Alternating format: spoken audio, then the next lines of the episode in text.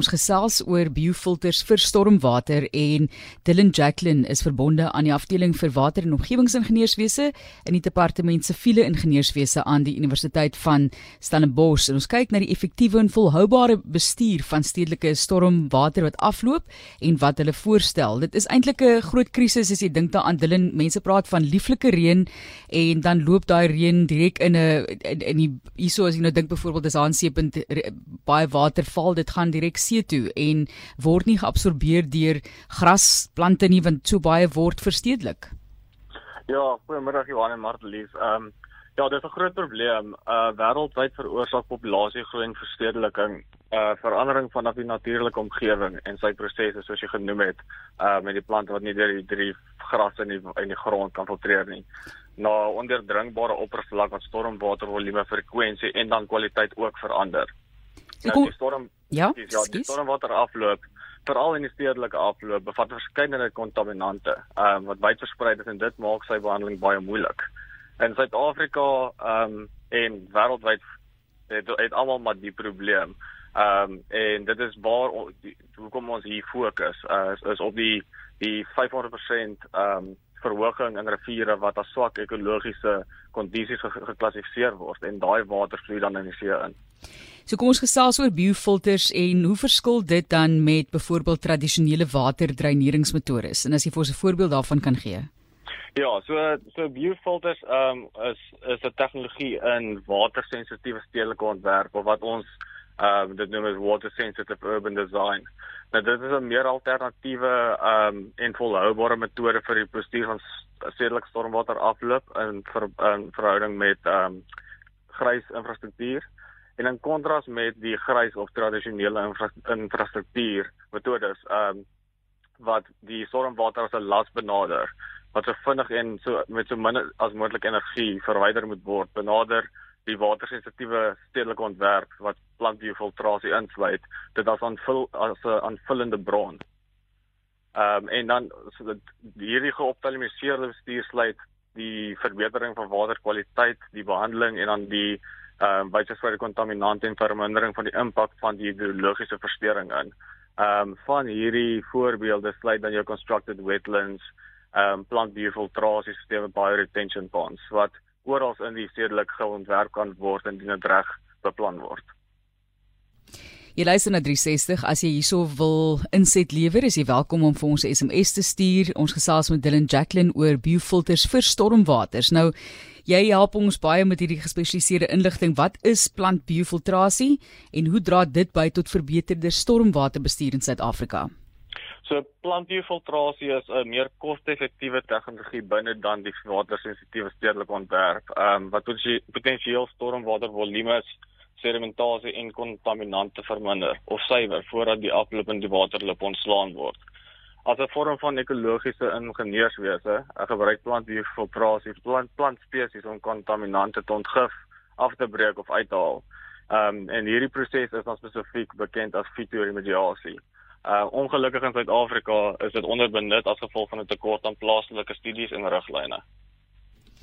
Dan wil ons volgende natuurlik ook fokus op julle studie en julle het gefokus op nutriënte en of liewer voordat ons daarby kom, jy praat van fit jy moet of my hierso help asseblief. Fito fitore mediasie is dit reg die prosesse? geen probleem nie. Dis plant fitoremediasie dis hy? um, dit dit dit verwys eintlik maar net na plante en die effek van plante en hoe hulle water suiwer. Ehm um, en daar's baie verskillende ehm um, prosesse binne plant fitoremediasie maar waar dit eintlik maar neerkom is dat plante die vermoë het om kontaminante te verwyder of vas te vang Ehm um, ongelukkig wissel dit verskriklik tussen plantspesies en plantsoorte. Ja, so daar's 'n standaard, dis sê jy. Ja, ja, so dis hier waar dit baie moeilik raak. Ehm um, en dis dan die groot uitdaging vir vir ons wateringenieurs en die waterbestuurders. So julle het nou gefokus op nutriënte en swaar metale. Hoekom spesifiek die kontaminante en is daar voorbeelde van ander kontaminante wat julle nie op gefokus het nie? So ons het spesifiek op die nutriënte vorm met al gefokus. Ehm um, vir nutriënte het ons na stikstof gekyk wat ammoniak en nitraat insluit. Ehm um, en dan ook fos fosfor. Ehm um, en sy vorm was ortofosfaat. Ehm um, ons het spesifiek op hulle gefokus as gevolg van hulle eutrofikasie potensiaal wat amper al Suid-Afrika se varswaterbronne op die oomblik dreig. Um, vir swaar metale het ons gefokus op kadmium, koper, lood en sink. Ehm um, en ons het spesifiek net op hulle gefokus vir van hulle omgewings en publieke gesondheidsgevare. En soos jy noem, ehm um, of of plante net op daai spesifieke kontaminante ehm um, kan werk. Uh, nee, daar is 'n daar's heelwat ander kontaminante en plante is al bewys om 'n groot om die ja, ander kontaminante wat olies, koolwaterstowwe patogene, ammunisie afval, farmaseutiese produkte insluit. So daar's 'n groot verskeidenheid. Ons moet net nog identifiseer watter plante werk vir wat. So ons gesels oor biofilters vir stormwater en gaan nou net vir jou ook vra wat ons as die publiek kan doen, maar jy beklemtoon dan die gebruik van inheemse plantspesies. Dit is wat wat ons van ons kant af kan doen. Hoekom is dit so belangrik? Wat is hoe wat maak hulle meer effektief dalk in terme van die plantbiofiltrasie? Ehm um, so in Suid-Afrika het die het ons 'n groot probleem met die indringende spesies um, wat al hele ekosisteme getransformeer het. Ehm um, en dit dit dreig natuurlik dan die land se biodiversiteit en die natuurlike ekosisteme wat negatief beïnvloed word. Ehm um, so ons ons kyk dan na om die inheemse plantspesies te gebruik in plaas van die meer indringende ehm um, uitheemse spesies as gevolg van die die biodiversiteit wat ons probeer onderhou in die land. Ehm um, die finale doel is dan om die indringende plantspesies wat effektief kontaminante kan verwyder om hulle te bevorder. Ehm um, sodat ons meer volhoubare maar effektiewe plantbiofiltrasiesisteme het. En dan as ons kyk na die resultate, hoe het ons inheemse plantspesies toe nou gevorder dink julle?